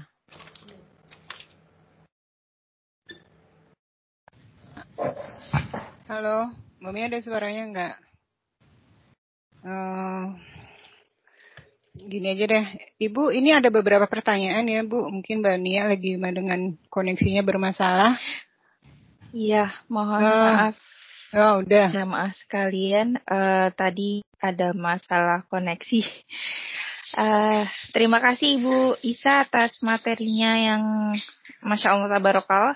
Uh, banyak ilmu yang kita pelajari. Tadi sekilas uh, yang pelajaran baru yang mungkin uh, kita belajar bersama ya. Tadi khususnya untuk uh, jamaah akhwat itu ternyata kita kalau uh, memanggil suami gitu ya paling nggak di Atau anak laki panggilan kalimat tetap menjaga senyum kita. Iya. uh, Bu Isa? Iya, iya. Satu dua, kedengaran suara saya? Satu dua, masih terdengar? Suara Bu Aisyah terdengar, terdengar suara Bu. Mbak Mia oh, yang Mbak Mia nih kayaknya oh, kondisinya. gitu ya. Oh, iya. iya. Berarti dari studionya, dari dari, dari pusatnya ya. Apa mau dibacain pertanyaan aja nih Bu? Boleh, boleh, boleh, boleh. Boleh ya. Bentar nih. Uh, saya bacakan dulu aja. Ini dari pertanyaan dari Pak Jul. Assalamualaikum. Waalaikumsalam. Uh, semoga Ibu Aisyah dan Ikhwan Villa selalu dalam perlindungan Allah Subhanahu wa taala dalam menghadapi ujian di masa pandemi ini. Amin. Amin. Pertanyaannya sebagai berikut, jika perempuan punya tingkah laku seperti anak lelaki atau tomboy, atau sebaliknya, apakah dikarenakan DNA-nya atau pola didik dan pengaruh lingkungannya, atau ada perubahan besar kecilnya otak kanan dan otak kirinya? Itu pertanyaan pertama. Mau dibacain dulu atau mau dijawab dulu, Bu? Boleh ada pertanyaan kedua jadi sekalian. Uh, yang kedua itu ya? Bagaimana cara koordinasi antara otak dan hati karena biasanya ada istilah konflik batin seolah-olah otak memberi nutrisi untuk melakukan sesuatu namun hati menolak karena kurang setuju. Terus yang ketiga, bagaimana pengaruhnya ke perkembangan otak untuk anak yang rajin mengaji dan orang yang baru mendapat hidayah. Nah, itu pertanyaan dari Pak Jul. Silakan Ibu, mohon dijawab. Ya. Oh, Pak Pak Jul, Pak siapa? Pak Jun. Pak Jul Fikar. Pak Zulfikar, masya Allah. Tiga-tiganya nih Pak Zulfikar bertanya. dia oh, dia memang selalu tiga. Keren, keren. Detil nih, beliau nih pasti orang detil, pemikir ya. Keren. Baik, Pak Zul, terima kasih doanya, masya Allah. Jadi perempuan tomboy atau anak laki-laki yang sedikit kemayu ya istilahnya ya. Itu sebetulnya begini itu uh, terjadi di dalam rahim seorang ibu dikarenakan sebetulnya jenis watak yang diturunkan atau genetik. Ya, itu satu ya, genetik. Jadi ada ada watak misalnya pada anak-anak uh, perempuan yang ekstrovert, anak ekstrovert ya, perempuan ekstrovert, maka dia hormon testosteron atau hormon laki-lakinya lebih banyak sedikit dibanding perempuan yang introvert. Ya. Jadi sebelum kita masuk ke situ kita belajar dulu bahwa janin laki-laki dan janin perempuan Allah kasih ada hormon yang lengkap. Ada hormon laki-laki, ada hormon perempuan. Semuanya jenis kelamin. Ya. Hanya pada anak laki-laki, hormon laki-lakinya komposisinya lebih banyak. Katakanlah hormon itu adalah oli ya. Oli ya, misalnya kita bikin komposisinya eh, jumlahnya 100 liter. Ya. Laki-laki karena dia janinnya laki-laki, dia punya hormon testosteron sekitar 80 liter. Misalnya gitu ya, 80 liter sampai 90 liter. Dan dia punya hormon perempuan. Perempuannya hormon perempuan itu namanya estrogen, progesteron. Itu sekitar 10 liter sampai 20 liter. Itu pada bayi laki-laki. Bayi perempuan juga begitu. Hormon perempuannya itu sekitar 80 liter sampai 90 liter. Hormon laki-lakinya 10 liter sampai 20 liter. Ya, kurang lebih gitu ya. Ini analogi ya. Nah, kemudian ada bayi laki-laki, tadi kita, kita udah belajar yang namanya watak ya. Ada watak tuh ada tiga, ekstrovert, introvert, dan ambivert. Kalau ambivert nggak terlalu uh, dahsyat perbedaannya, tapi yang ekstrovert, introvert ini berbeda dahsyat. Ekstrovert ini adalah watak yang, ya misalnya pada perempuan, ada anak perempuan yang wataknya ekstrovert, itu berarti testosteron si anak perempuan yang 20 liter. Kalau perempuan yang introvert, testosteronnya yang 10 liter. Gitu. Anak laki-laki. Ada anak laki-laki yang lebih lembut itu karena dia introvert wataknya. Ya, maka dia yang estrogennya yang 20 liter. Ya, lebih banyak sedikit dibanding anak laki-laki yang ekstrovert yang memang estrogen progesteronnya 10 liter aja. Jadi ini karena watak dan watak genetik. Watak genetik. Turun dari ayah dan dari ibu. Dan dari leluhur ke atas, tujuh leluhur ke atas. Ya. Jadi kalau kita sudah pada saat ini bertemu telur ibu dengan sperma ayah kan terjadi zigot. Kemudian jadi berbelah-belah. Nah, itu sudah mulai ya di minggu-minggu awal bakal janin jenis kelaminnya apa tuh sudah sudah ada. Hanya memang kalau lihat USG baru bisa setelah tujuh bulan karena uh, alat reproduksinya yang kecil. Tapi dari awal sudah ada ini bakal laki-laki ini bakal perempuan. Hormon sedemikian rupa. Ya, nah. Namun 10 bulan dalam rahim ibu, 9 sampai 10 bulan dalam rahim ibu, terkadang ada hal-hal yang membuat si janin ini kelebihan hormonnya. Ya, jadi 10 bulan ini ada pengaruh antara ayah ibunya nih.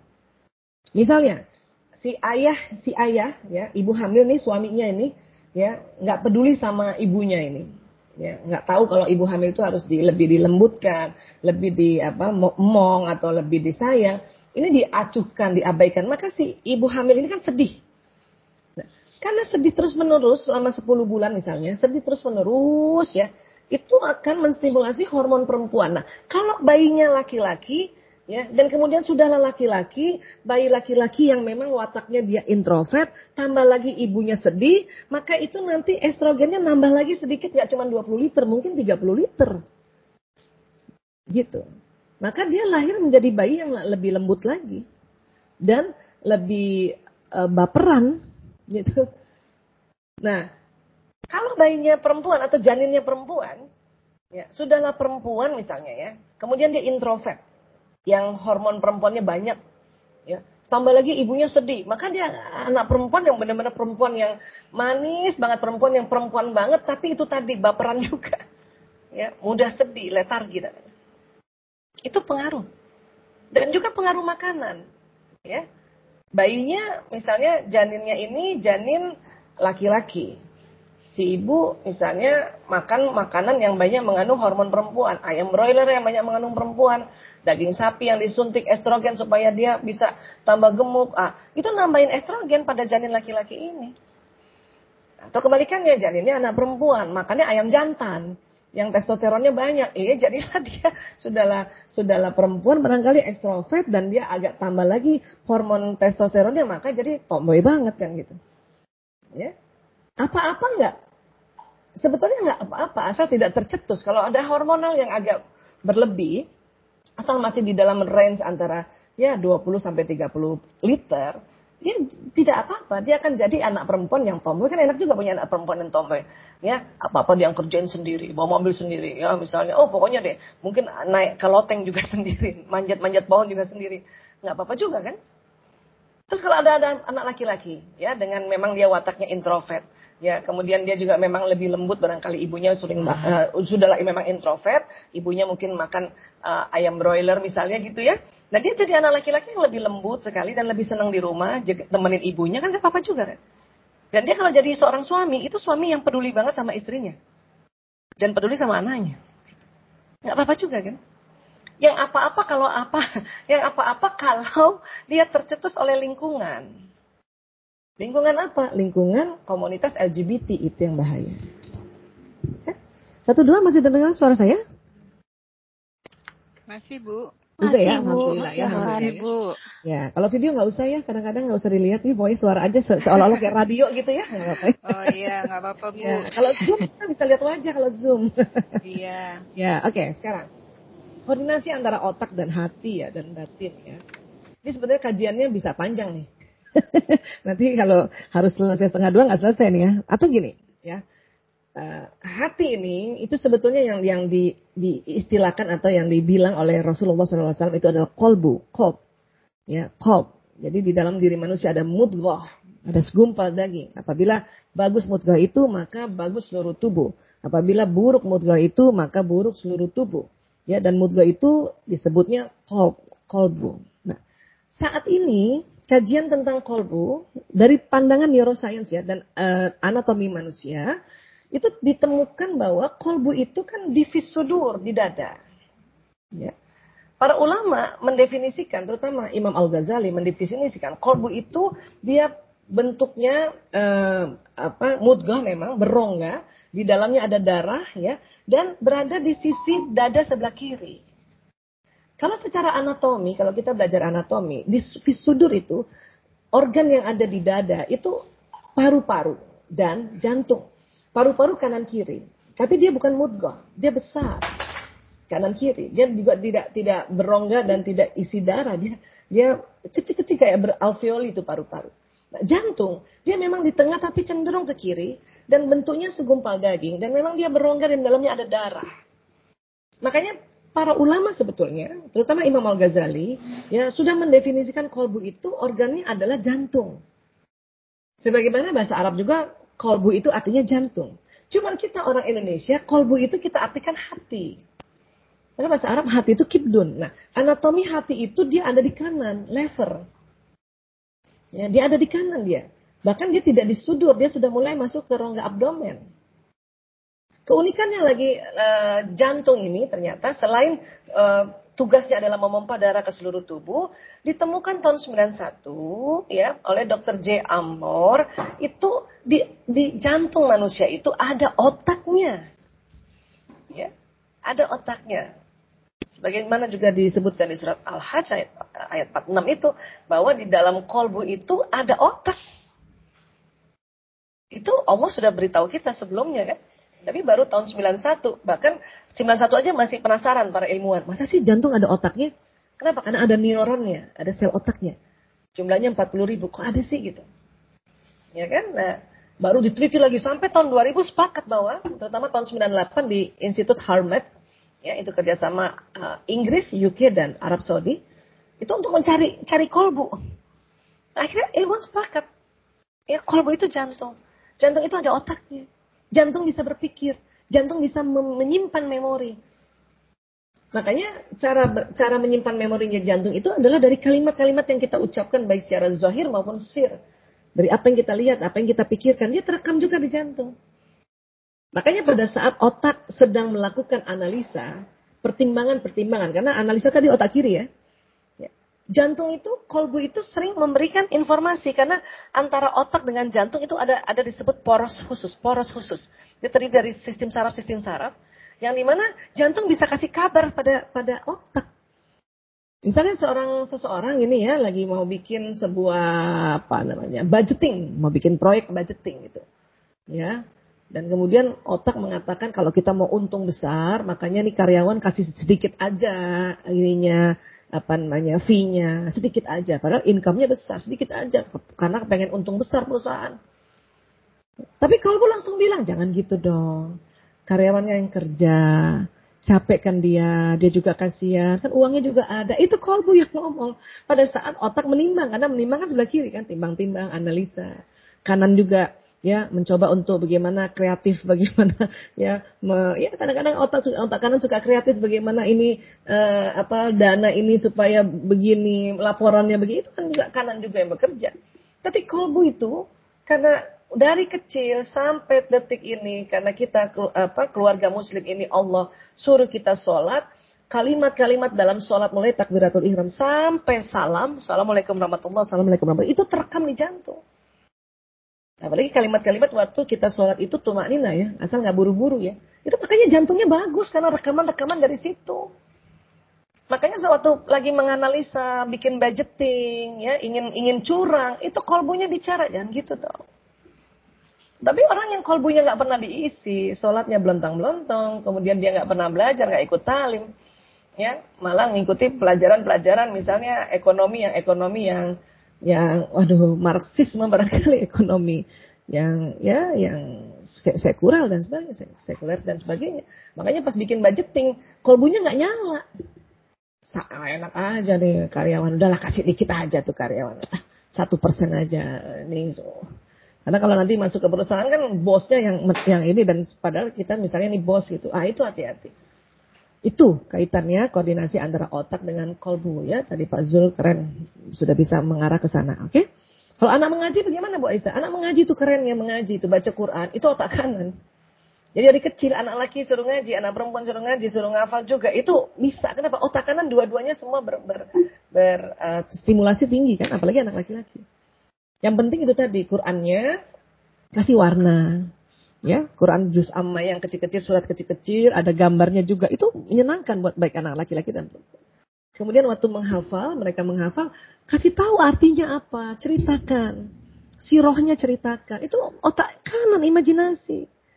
Sehingga anak-anak menyenangi pelajaran kita uh, pada saat dia mulai menghafal gitu. Jangan cuma tulisan saja. Huruf Arab saja, tulisannya itu dinamis, dia nggak statis kayak huruf-huruf uh, abjad biasa. Sekarang aja abjad baru statis. Zaman dulu huruf hijaiyah itu statis. Nggak semuanya kecil, ada yang gendut kan gitu ya. Bikin mim, kadang mimnya kecil, kadang-kadang mim palanya besar itu dinamis. Itu otak kanan, otak benda, otak bentuk. Ya. Nah, kemudian ada irama kan? Ada irama kan? Auzubillahi minasyaitonirrajim. Itu otak kanan. Makanya dilakukan. Nah, seperti itu, ya. Adapun hidayah, hidayah ini biasanya karena di dalam otak manusia ini ada lagi nanti yang kita sebut nanti di sini God spot itu di atas telinga, di lobus temporalis dan semua manusia itu ada. Ya. Hanya keluarga muslim makanya mengapa salah satu manfaat kenapa pas lahir harus diazankan dikomatkan supaya fitur apa ya kita bilang fitur ya kalau kalau di gadget ya fitur itu nyala ya Program itu nyala pada saat diazankan dan dikomatkan. Itu nyala itu. Karena sudah ada memang siapa pun. Mungkin ada ada bayi atau yang lahir di keluarga non muslim misalnya. Ya, karena nggak diazankan dan nggak dikomatkan nggak nyala. Tapi suatu ketika mungkin dia sedang masih lagi SDK, SMP atau lagi mahasiswa atau mungkin agak besar sedikit, lagi santai-santai, rumahnya dekat masjid, pas lagi santai, rileks. Rileks itu kan membuka bawah sadar kan. Dengar azan, nyala itu. Cung, cung, cung, cung, cung. Nah, tinggal masalahnya waktu dia nyala, sebetulnya semua nyala itu. Orang yang mendengarkan azan dengan rileks dan kemudian dia bukan muslim, itu nyala. Yang muslim tambah nyala. Dengan rileks ya, dinikmati. Ya, tidak disambi gitu. Ya, nah, tinggal nanti ada ada ikhtiarnya lagi dia mencari nggak sudah nyala petunjuk ini ada di otak itu dia cari nggak untuk untuk mendalami apa sih ada ada intuisi ada petunjuk di otak saya ini ada hidayah gitu. Nah banyaknya yang nggak nggak mencari akhirnya tertutup lagi hidayah. Ya kurang lebih seperti itu Pak Zulkarnain mudah-mudahan bisa menjawab lebih kurangnya mohon maaf ya. Jazakallah dokter jazakallah ya. pencerahannya alhamdulillah sangat bermanfaat. Oh, Masya Allah Masya Allah tabarakallah. Baik Terima kasih Bu Isa. Mohon maaf saya join lagi tadi oh, iya, baik. koneksi. Ya, ya, ini kan kalau kalau lewat Bu Isa ini kita sudah ada Iya jika uh, ada materi sungguh menarik kalau koneksinya bermasalah.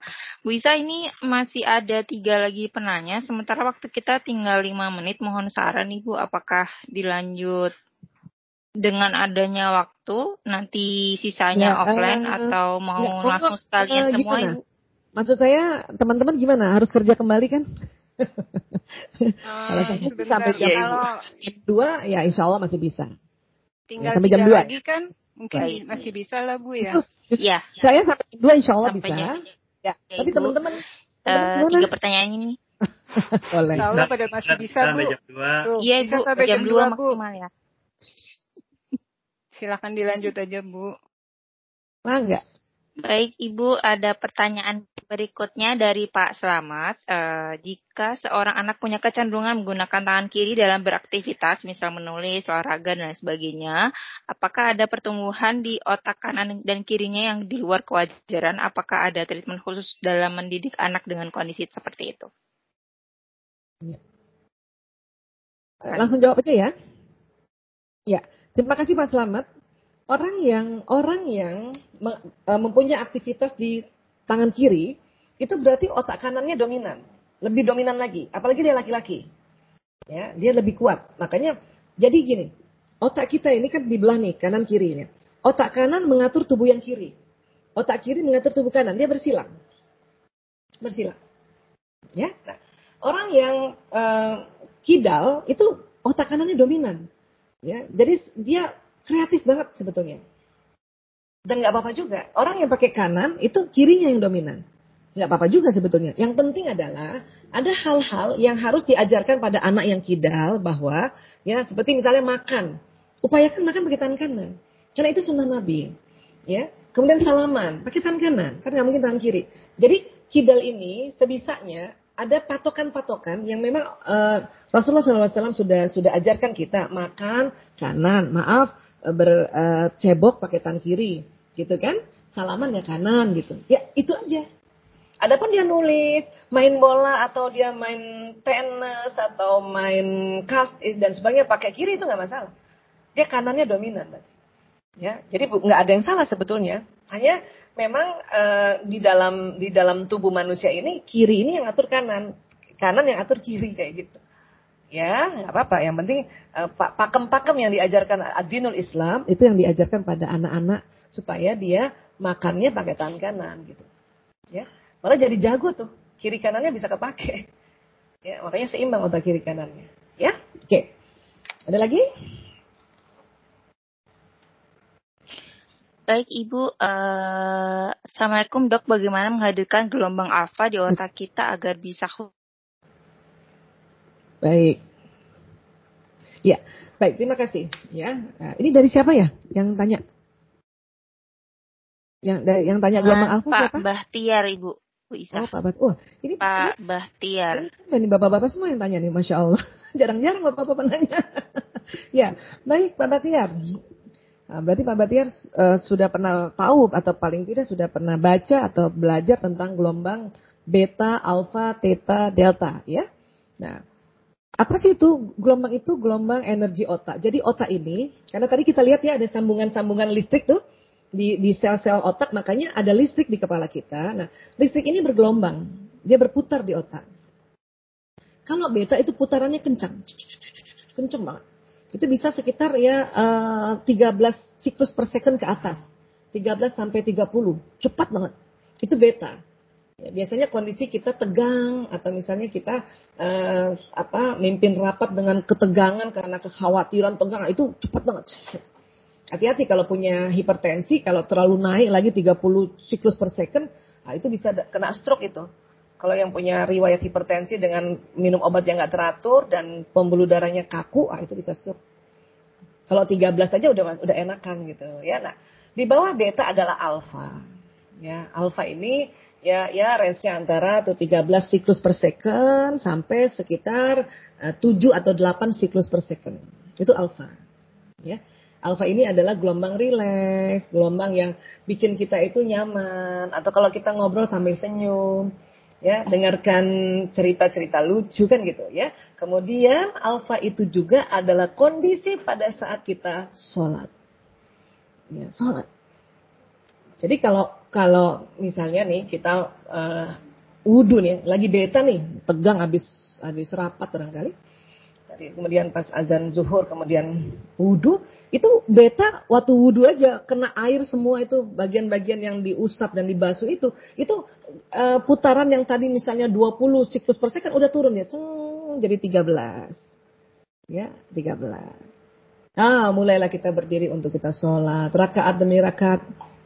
Dengan syarat tumanina ya nggak buru-buru ya nggak lama-lama itu lama-lama turun dia turun sampai di berapa? Selesai sholat itu ada 10 siklus per second putarannya. Nah, 10 siklus per second itu ternyata ya kata para ahli salah satunya uh, apa namanya uh, aduh kok lupa Bu Isa ya Richard Feynman ya Richard Feynman itu di Amerika di 10 CPS itu itu adalah pintu bawah sadar untuk paling enak bicara pada bawah sadar. Itulah pada saat kita sholat kan itu antara udah masuk 12, 11, 10. Nah kalimat-kalimat yang kita lafazkan ya mulai dari Allahu Akbar sampai salam itu masuk tuh. Al-Fatihah yang diulang-ulang ya. Mulai dari doa iftitah yang diulang, Al-Fatihah diulang. Nanti perbedaan nanti di ayat-ayat ya. Setelah itu surat kita pilih. Ya, itu yang berbeda-beda. Nanti itu yang bikin jadi cerdas tuh. Berbeda-beda ya. Kemudian doa pada saat kita ruku berulang, pada saat kita itidal berulang, sujud berulang, ya dan sebagainya. Itu masuk di bawah sadar di antara gelombang 11 CPS dan 10 CPS. Itu keren banget. Makanya kadang-kadang kalau ada orang bilang ya, Bu Esa, hipnoterapi itu kan nggak boleh. Saya bilang siapa yang bilang hipnoterapi nggak boleh? Sholat itu hipnoterapi.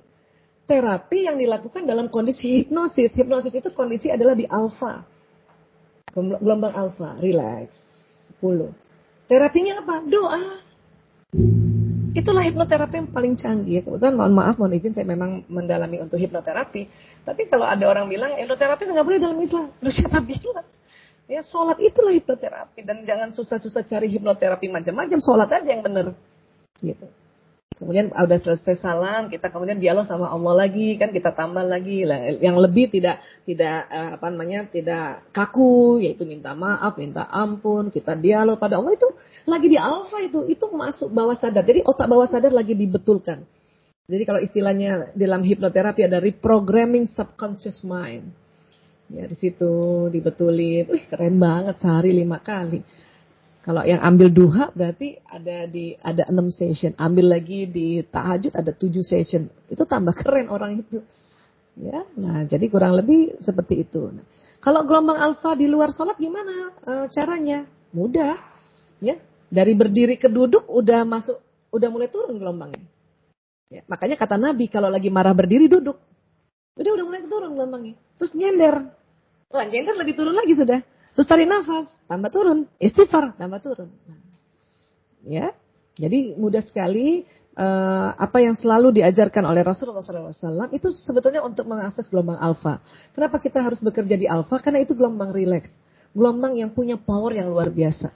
Ya, dan pada saat misalnya menjadi sebuah terapi itu menterapi atau membetulkan bawah sadar kita yang mungkin terlanjur ada luka waktu kecil, ada sedih waktu kita masa pertumbuhan remaja dimarahin orang tua dimarahin itu dibetulkan lewat sholat itu. Jadi kurang lebih seperti itu Pak Batiar mudah-mudahan dengan mudah ya untuk masuk di Alfa insya Allah.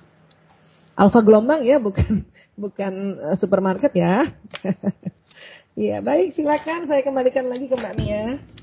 Uh, Halo, uh, Ibu Aisyah, ini uh, Mbak Mia mohon ini ya, mohon maaf dia tidak bisa join karena ada oh. masalah oh. sinyal. Jadi oh, saya gitu. lanjut aja ya.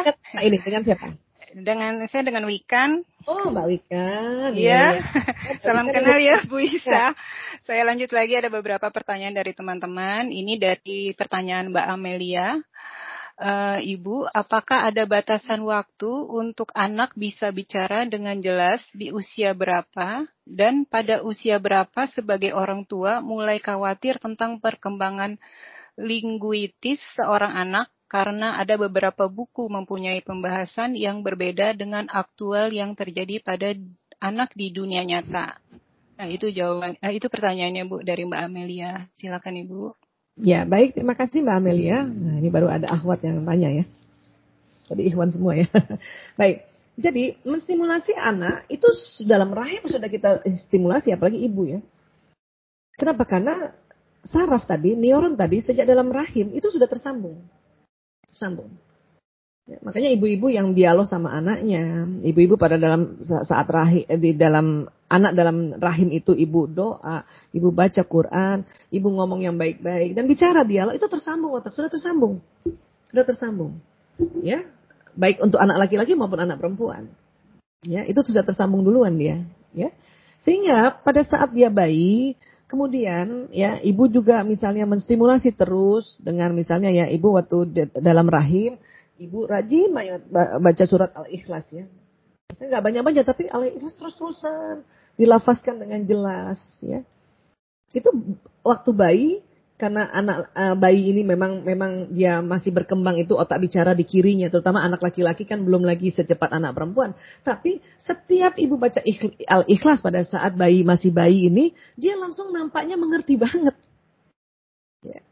misalnya gitu ya Ditambah lagi ibu rajin ajak bicara. Dan ingat, bicara sama bayi itu harus bahasa yang benar. Ya, Sayang, sayang mau makan, mau makan. Jangan dipotong-potong. Sayang, ayang, ayang mau emam. itu nanti nanti terbentuk ayang mau emam.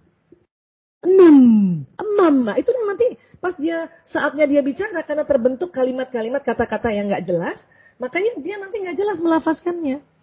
Jadi ngomong aja bilang, minum ya nak, jangan minum ya ayang, num num num, ah, nggak jelas. Karena pada saat kita memberikan stimulasi, kan tadi kita sudah lihat terbentuk otak. Neuron terbentuk, tersambung. Tapi kalau dari awal sudah nggak jelas omongannya, maka itu yang tersambung. Itu lagi nanti sulit lagi untuk membetulkannya. Gitu.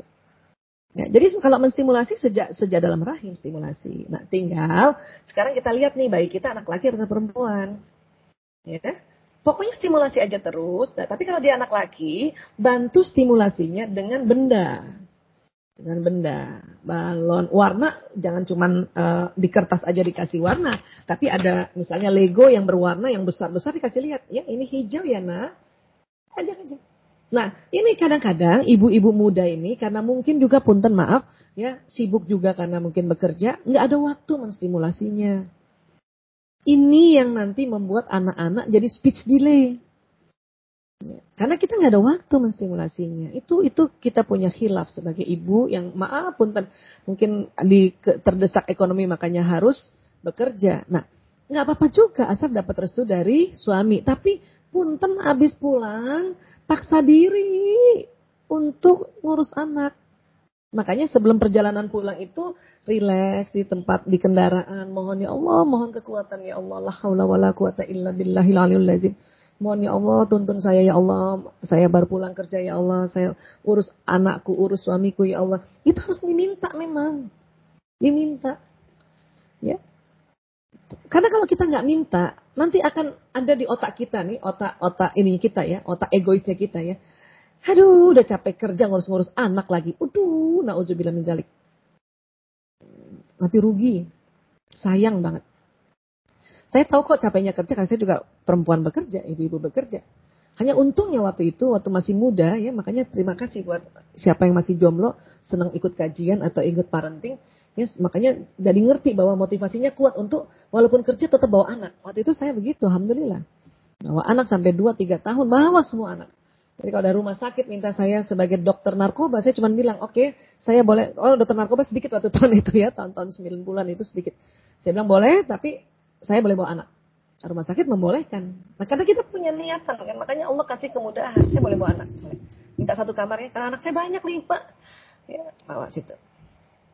Kenapa? Karena di Jakarta kan itu lumayan di mobil ini kalau misalnya nanti dari dari uh, rumah sakit ke rumah kan dua jam bisa di, di mobil ajak main anak-anak ajak ajak bicara ajak kasih oh pokoknya di mobil udah banyak banget tuh benda-benda ya balon lah ya kotak-kotak lah bantal-bantal dan sebagainya itu harus diniatin Ya, karena terjadi speech delay-nya anak-anak ini karena kita nggak stimulasi dari awal. Nah, tapi tinggal lihat, oh ini anak laki.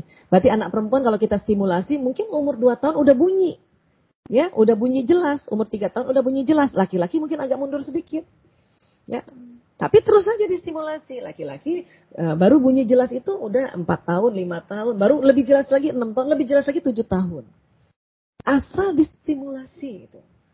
Ya, Nah kadang-kadang kita karena nggak stimulasi, ya kita lihat anak nggak susah ngomong, itu berarti kan keliru kita. Ya sudah, segeralah ya misalnya umur lima tahun kok makin ngomong ya kadang-kadang misalnya ngomong 10 kalimat lima tahun kok nggak bisa anak-anak ya. Eh maaf 10 kata dirangkai kalimat kok nggak bisa. Nah itu boleh. Sudah saatnya bawa ke ya terapis untuk dilakukan terapi bicara.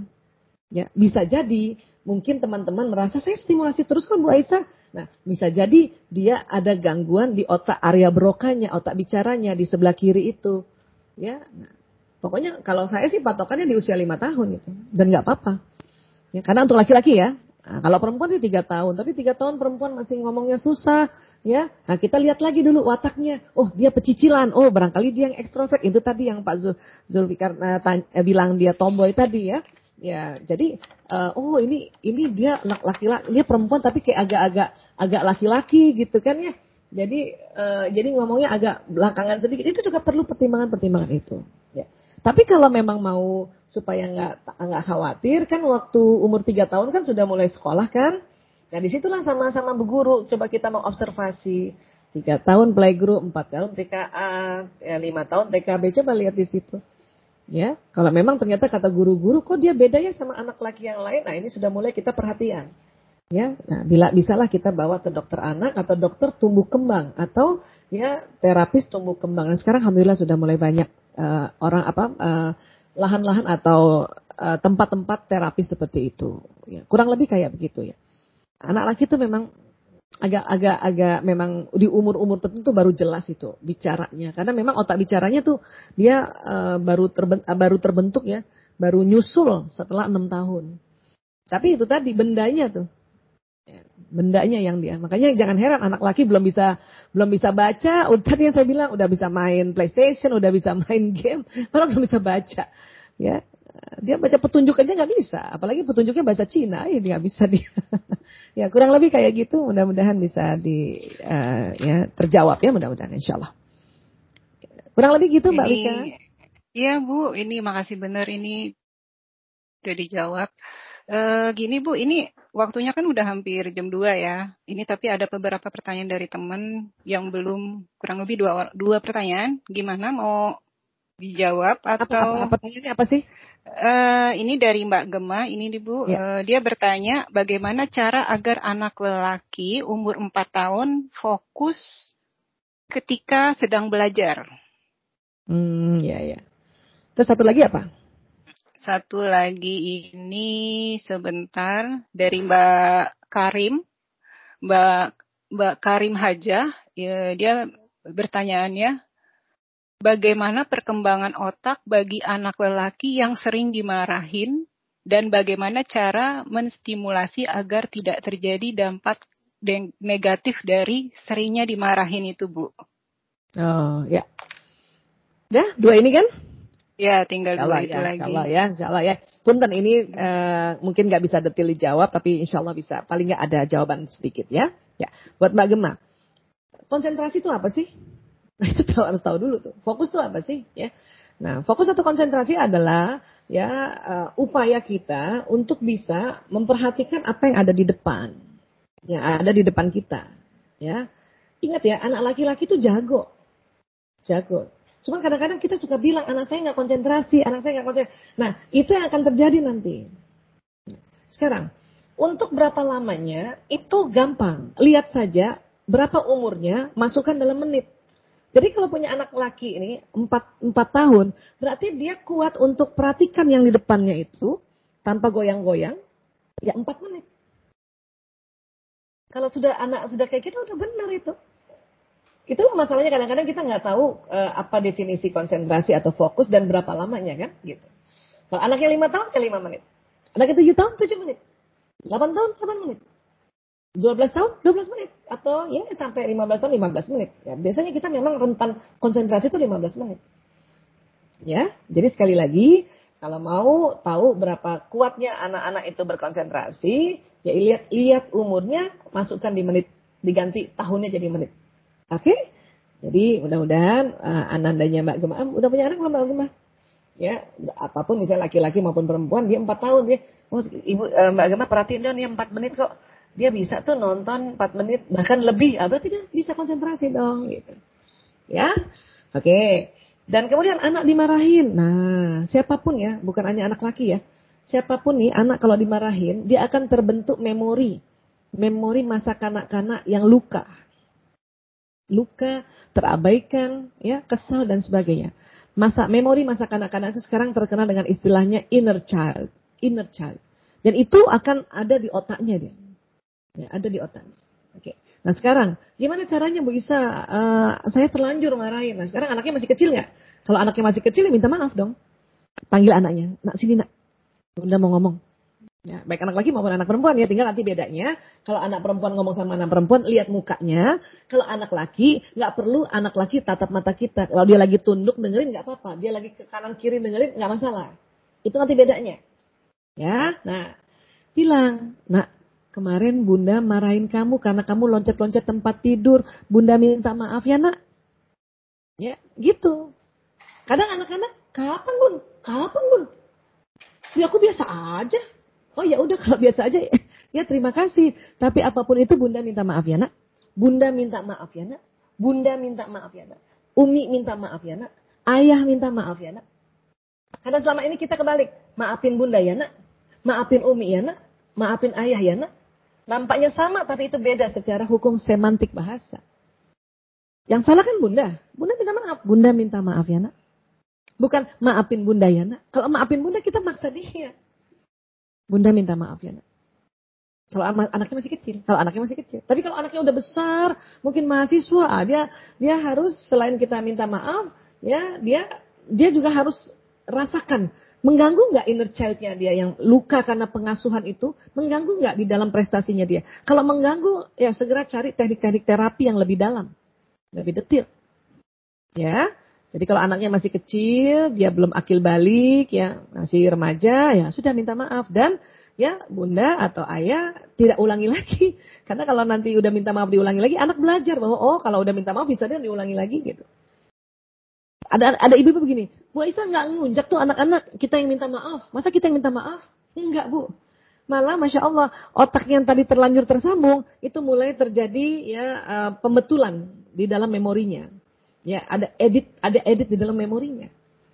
Sehingga anak tidak dendam pada orang tuanya. Ya.